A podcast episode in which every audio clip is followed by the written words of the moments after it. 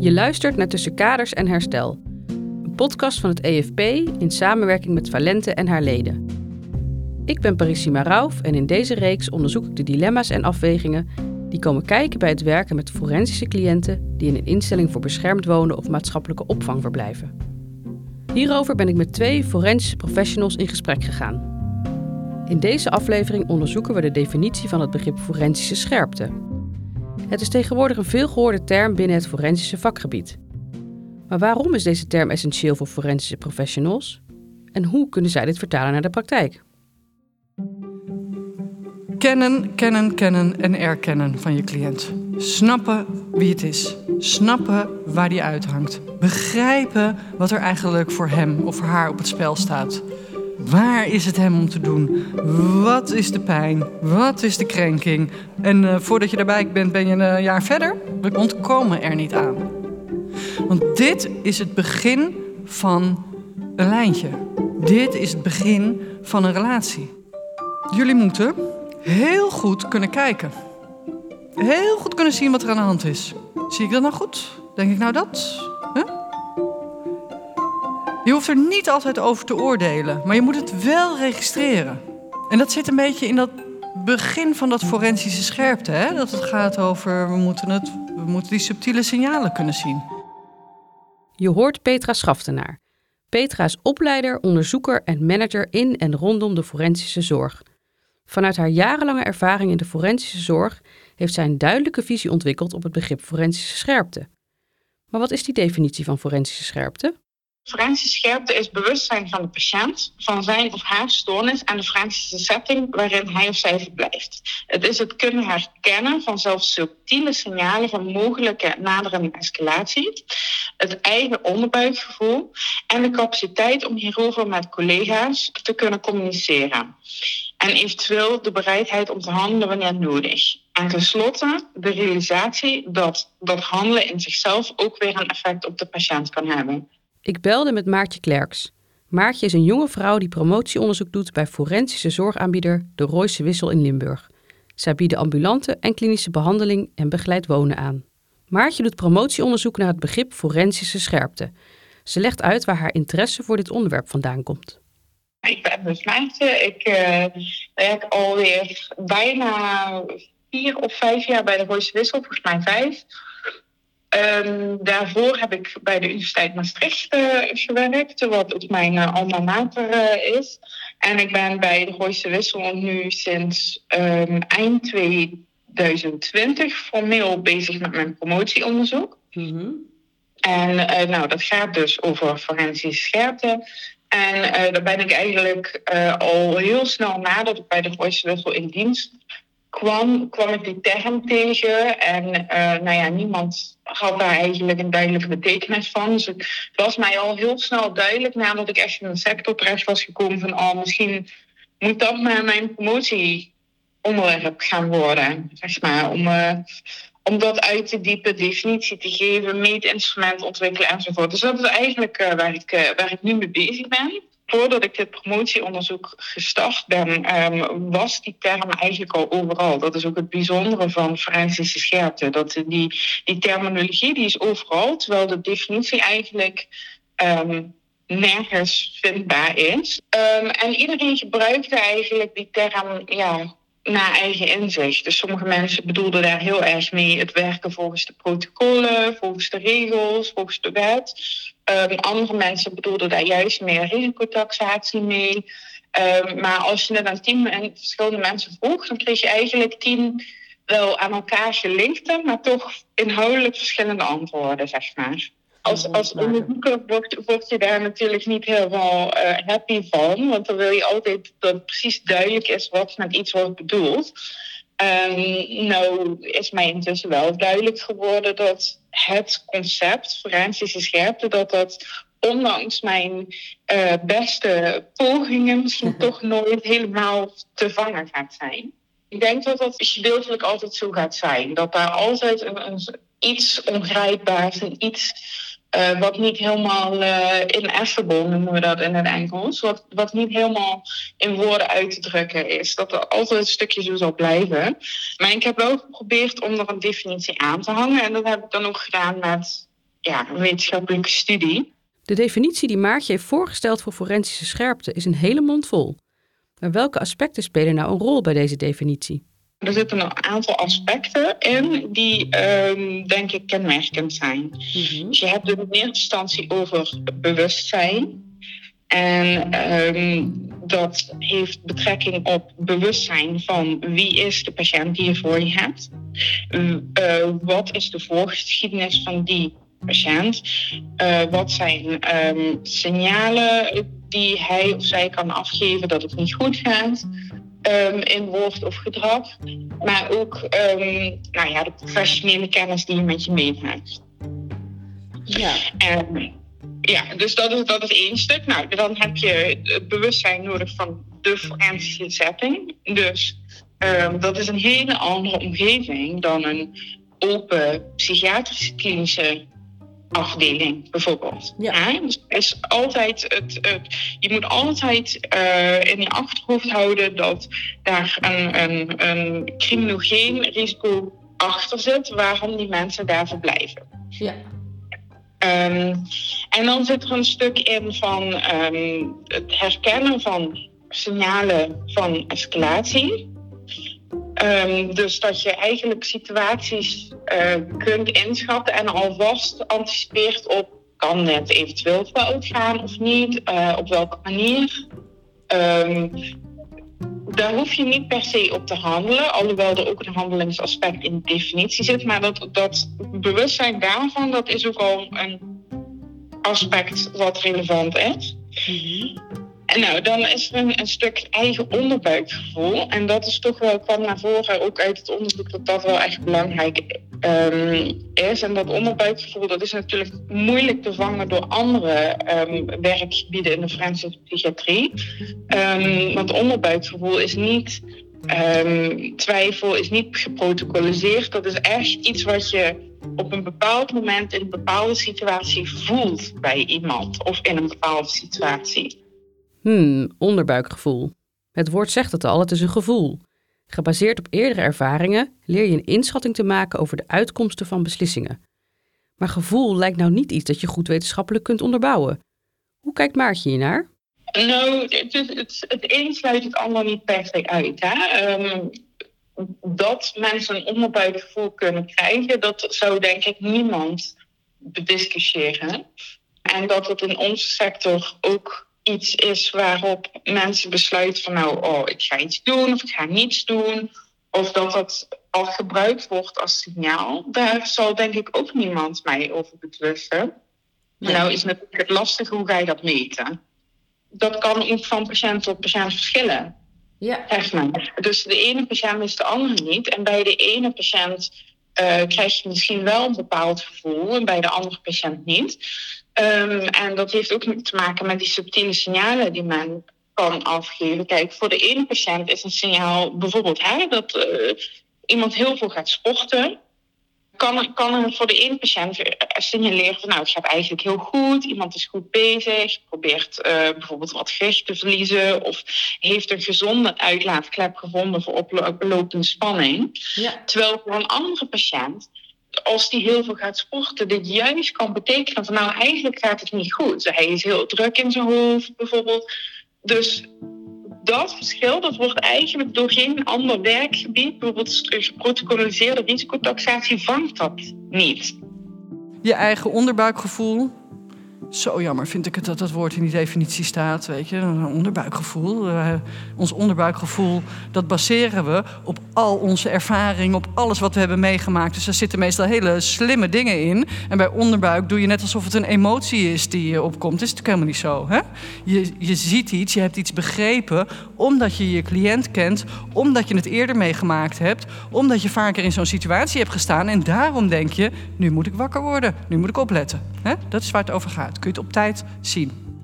Ja, en dat is ook precies wat ik bedoel met, nou ja, waarschijnlijk ga je nooit helemaal kunnen ondervangen in woorden, maar dat is wel een stuk wat, er, wat erin zit. Inderdaad, je persoonlijke voelsprieten, en die zijn dan eigenlijk, verwacht je, gebaseerd op voorkennis van de patiënt, uh, eigen professionele voorkennis, maar ook een gedeelte wat je, wat gewoon inderdaad een onderbuikgevoel is. Maar hoe meet je zoiets? Hoe meet je nou of een forensische professional een goed ontwikkeld onderbuikgevoel heeft? Maartje vertelt dat op het moment dat het erop aankomt, professionals in hun hoofd niet allerlei protocollen langslopen, maar dat onderbuikgevoel de doorslag kan geven van hoe in een bepaalde situatie wordt gehandeld. Volgens Maartje is een belangrijk aspect hierbij dat je dit gevoel als professional bij jezelf herkent en er vervolgens over communiceert met de patiënt of collega's. Petra zegt hierover het volgende. De capaciteit, bij ons dus, om hierover met onze collega's te gaan communiceren. Om te zeggen, hé hey, uh, jongens, ik weet het niet hoor, maar uh, ik merkte dit of dat. Merkten jullie dat ook? Hè? Dus je moet ermee aan de slag. Forensische scherpte is niet alleen ervaren, betekent ik moet het gaan bespreken, moet het dus breder maken dan mezelf. En ik moet handelen. Of niet.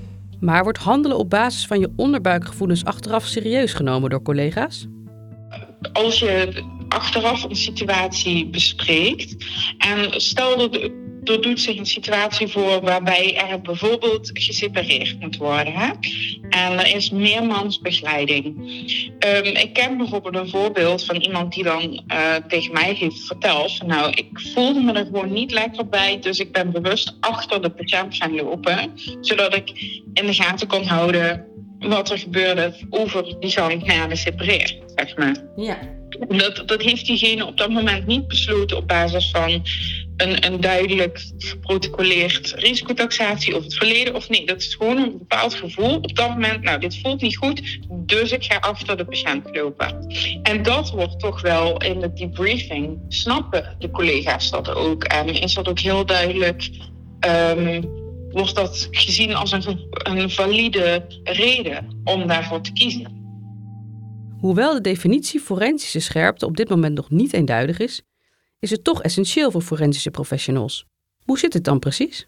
Um, nou ja, goed, omdat het zo verweven is met alles eigenlijk. Als je het gaat ontleden, is dat construct waarmee de naamgeving forensische scherpte dat construct aanduidt, zeg maar, dat is verweven met alles in het forensische werkveld. Dus relationele veiligheid, met inderdaad toch risicotaxatie met wet en regelgeving. Um, het heeft ermee te maken dat je belangen tegen elkaar moet afwegen. Inderdaad, van bescherming van de samenleving ten opzichte van vrijheid van de patiënt. Maar ook belangen van verschillende patiënten met elkaar kunnen afwegen. Uh, dat, dat is allemaal, heeft dat ofwel is dat direct onderdeel van, ofwel het raakt heel nauw aan forensische scherpte. En ik denk dat het daarom als essentieel wordt bestempeld. Maar hoe kun je als professional houvast hebben aan een definitie die nog niet eenduidig is? Meer eenduidigheid leidt ook hopelijk, dat zijn volgende stappen in mijn onderzoek in ieder geval, hopelijk tot dat je het kunt meten. Wat is dat nou eigenlijk? En heeft iemand het of niet? Want als je zegt van nou het is een vrij essentiële competentie voor iedere forensisch psychiatrische professional, hmm. wil je eigenlijk wel weten van nou hebben die mensen het dan ook? En als ze het niet hebben, hoe kunnen we dan helpen? Hoe kunnen we een training ontwikkelen die uh, deze competentie vergroot? En jij zegt dus ook dat je je als professional kunt trainen in forensische scherpte. Als starter in het werkveld zul je echter eerst ervaring moeten opdoen en vlieguren moeten maken in het begin, als je zeg maar net komt kijken, dan is inderdaad de, de hypothese dat je dan gewoon dat Francis scherpte nog moet opbouwen. Dat blijkt ook wel gedeeltelijk uit onderzoek. Um, al is die relatie niet heel sterk, moet ik zeggen. De relatie met persoonlijkheidstrekken is sterker dan de relatie met ervaring. Ik ben benieuwd of de mensen die kiezen voor het forensische werkveld ook de mensen zijn die de persoonlijkheidskenmerken bezitten om forensische scherpte te ontwikkelen. Dit is echter nog niet onderzocht. Wellicht iets voor de toekomst. Maar terug naar de definitie. Deze is voorgelegd aan 30 instellingen en 700 forensische professionals. Kwam hier een eenduidig beeld uit naar voren over de definitie forensische scherpte? En als je dan vervolgens een open vraag vraagt van goh, uh, mis je nog dingen of wat, hoe je jezelf forensisch gaat, dan komen eigenlijk dezelfde onderwerpen weer terug naar boven. Dus daar zat wel best wel wat eenduidigheid in. En dan zijn dan inderdaad die aspecten, dus bewustzijn van, subtiele signalen, onderbuikgevoel, maar ook dus vaardigheid om te kunnen communiceren, bereidheid om te handelen. Dat is niet hetzelfde als gaan handelen, maar bereidheid om te handelen. En tenslotte de realisatie dat alles wat jij doet ook weer een effect kan hebben. Kun je elkaar als collega's en als team aanvullen in forensische scherpte? Dat denk ik zeker. En wat zegt Petra hierover? Petra heeft een duidelijke visie over hoe je forensisch scherp kunt handelen, voordat er sprake is van een crisis. Je hebt aan de ene kant een formeel netwerk waarin je kunt opschalen. Er is een reclassering, er is wellicht een behandelaar, er is uh, misschien in je eigen organisatie een crisisteam wat verstand heeft of met je mee kan kijken, weet ik veel. Hè? Er is van alles formeel waar je je kunt melden. Er is misschien afhankelijk van de zorgtitel een kliniek of een achtervang of een plek waar iemand opgenomen kan worden. Formeel netwerk. Maar er is ook het informele netwerk. En dat is het, heeft de patiëntensteunend netwerk. Is er een vader, een moeder, een zoon, een broer, een neef, een nicht, een vriend die even langs kan komen? En dit vertel ik ook altijd aan iedereen. En dan is de herkenning helaas te groot. Opschalen van zorg moet je niet doen pas op het moment dat de crisis is. Want in jullie werk en in mijn werk is de crisis altijd vrijdagmiddag om drie uur. Ja, hè? zie je? Altijd. Die cliënten zeggen nooit maandagochtend: Ik denk dat ik deze week eens even lekker ga ontregelen. Nee, het is op het laatst. En het is op die vrijdag dat je regiomanager net had gezegd: Ik stap zo in de trein naar Parijs. Ik ben weg, doe je mijn telefoon staat uit. Dat je andere collega zich ziek had gemeld. Anyway, het komt dus gewoon echt nooit uit. En als jij dan aan het werk bent en jij had die late dienst en de vroege dienst heeft net afgezwaaid en het staat daar te gebeuren en je denkt, ik zit hier in de computer, wat was het wachtwoord ook alweer? Ik zit hier in die map, waarom kan ik het handschrift van mijn collega niet lezen? Dan gaat daar dan van alles mis. Als je dan ook niet weet wie je moet bellen en waarom, dan ga je eraf. Gewoon kansloos. Dan heb je in ieder geval zelf niet het gevoel dat je een functionele bijdrage kunt leveren. Dan zie je opeens een noodnummer van de reclassering, want die schijnt dat te hebben. Dan bel je dat nummer en dan krijg je geen gehoor. Dan heb je, denk ik, heb ik ook weer helemaal niks aan. Kortom, alles gaat helemaal mis. Alles gaat helemaal mis. Dus wat is mijn punt bij dat opschalen van zorg? En hier zit echt, wat mij betreft, ook jullie vak. En ik vind dat echt een forensisch deel. Dit doe je, dit regel je vanaf de start van de begeleiding. En het zou natuurlijk fantastisch zijn als die cliënten bij ons komen en er hing een soort vangnetje achteraan, hè? weet je wel, waar al die nummers netjes in zitten en de regiomanager en dit is de familie en dat werkt. Maar ja, zo werkt het even niet. Het leven hangt aan relaties en als ik wat gedaan wil krijgen, dan moet ik het hier en nu bij jullie gedaan krijgen. Dus dan kan ik dat wel in mijn vangnetje meenemen. Uh, kijk wat ik heb. Nee, ik moet zorgen dat jij iets voor mij gaat doen. Dus wij moeten dat samen gesnapt hebben. Kortom, opschalen van zorg doe je vanaf het begin van je begeleiding. Jij bent in charge. Jij gaat met de reclassering overleggen. Jij gaat zeggen, hoe sta jij daar eigenlijk in? Hoe, hoe vind jij dat we die voorwaarden moeten interpreteren? En uh, vind jij het oké als wij daar een andere manier van hebben? Want dit is wat wij belangrijk vinden. En oh ja, als het vrijdagmiddag misgaat, hebben jullie een noodnummer? Waar kan ik dat bellen? Mag ik het even testen? Weet je, gewoon doen. Dat wil allemaal niet zeggen dat jij het op die vrijdagmiddag nog geregeld krijgt. Maar jij weet dan in ieder geval zeker dat jij er alles aan gedaan hebt. Petra heeft dus duidelijk voor ogen hoe je forensisch scherp kunt handelen. Maar er is nog wel een stuk uit de definitie waar Petra een kanttekening bij plaatste. Oké, we pakken hem weer op. We waren bij die definitie van forensische scherpte, maar ja, dat was wel leuk bedacht. Dus ik, er zijn eigenlijk twee problemen. Um, en dit is de belangrijkste. Namelijk dat jullie sector amper een forensische setting te noemen is. Behalve die titel. En uh, ja, die, die reclassering of weet ik veel wat, wat er allemaal nog af hebt. Maar dit, dit is, wat, wat nou forensische setting? Wat nou gedoe? En dus, het tweede probleem uh, vloeit daaruit voort. Je geen mogelijkheden hebt tot enige vorm van, tussen aanhalingstekens, dwang. Overigens, beste mensen, dwang is vreselijk overrated, dus daar heb je ook niks aan. Maar ja, soms als je, als je het niet hebt, dan mis je het. Als je het wel hebt, denk je, wat moet ik ermee? Hè? Zo gaat het ongeveer. Uh, zo is trouwens het hele leven. dat is wat anders. Je, je, hebt eigenlijk geen dwang, behalve als het echt helemaal de spuigaten uitloopt. Uh, maar dan ben je natuurlijk te laat als het gaat over forensische scherpte. Want ja, dan uh, kan je de politie bellen en zeggen: het, uh, We hebben hier een delict. Ja, jammer dan, want dat wilden we juist voorkomen. Of je belt dan met de reclassering. Of in hele nou niet zeldzame gevallen, maar in een beperkt aantal gevallen, zo moet ik het zeggen, heb je een forensische zorgtitel waar er opeens nog een lekker systeem achter hangt. Dat is bijvoorbeeld als je uh, patiënten in je instelling hebt met een uh, ter beschikkingstelling, bijvoorbeeld met transmuraal verlof, ook nog wel met proefverlof. Die klanten wil je dus hebben, beste mensen. Want er zit een fantastisch uh, systeem achter. Terwijl de meeste met een voorwaardelijke veroordeling, ja, het is allemaal maar een beetje uithouden, maar eigenlijk kan je helemaal geen kant op. In deze aflevering heb ik met twee professionals uit het vakgebied gesproken over forensische scherpte wat de definitie ervan is en welke aspecten hierbij een rol spelen, in zowel de theorie als de praktijk. In de volgende aflevering ga ik jullie meenemen in het RNR-model. Je luistert naar de eerste aflevering in een nieuwe reeks van Tussen Kaders en Herstel. Een podcast van het EFP in samenwerking met Valente en haar leden. Wil je meepraten over dit onderwerp? Het EFP faciliteert op allerlei manieren het gesprek. Hou daarvoor bijvoorbeeld onze LinkedIn-pagina in de gaten. Wij horen ook heel graag jouw reactie op deze podcast, je ervaringen en visie op dit onderwerp. Je kunt ons bereiken via secretariaat.efp.nl. Deze podcast werd gemaakt door mij, Parissima Rauf. Montage en techniek, Marco Raaphorst. Coördinatie, Angeli Coccioli en Kelly Sietsma. Je hoorde de muziektracks Our Only Lark, Borrow, Callison, Footsteps on Elden van Blue Dot Sessions.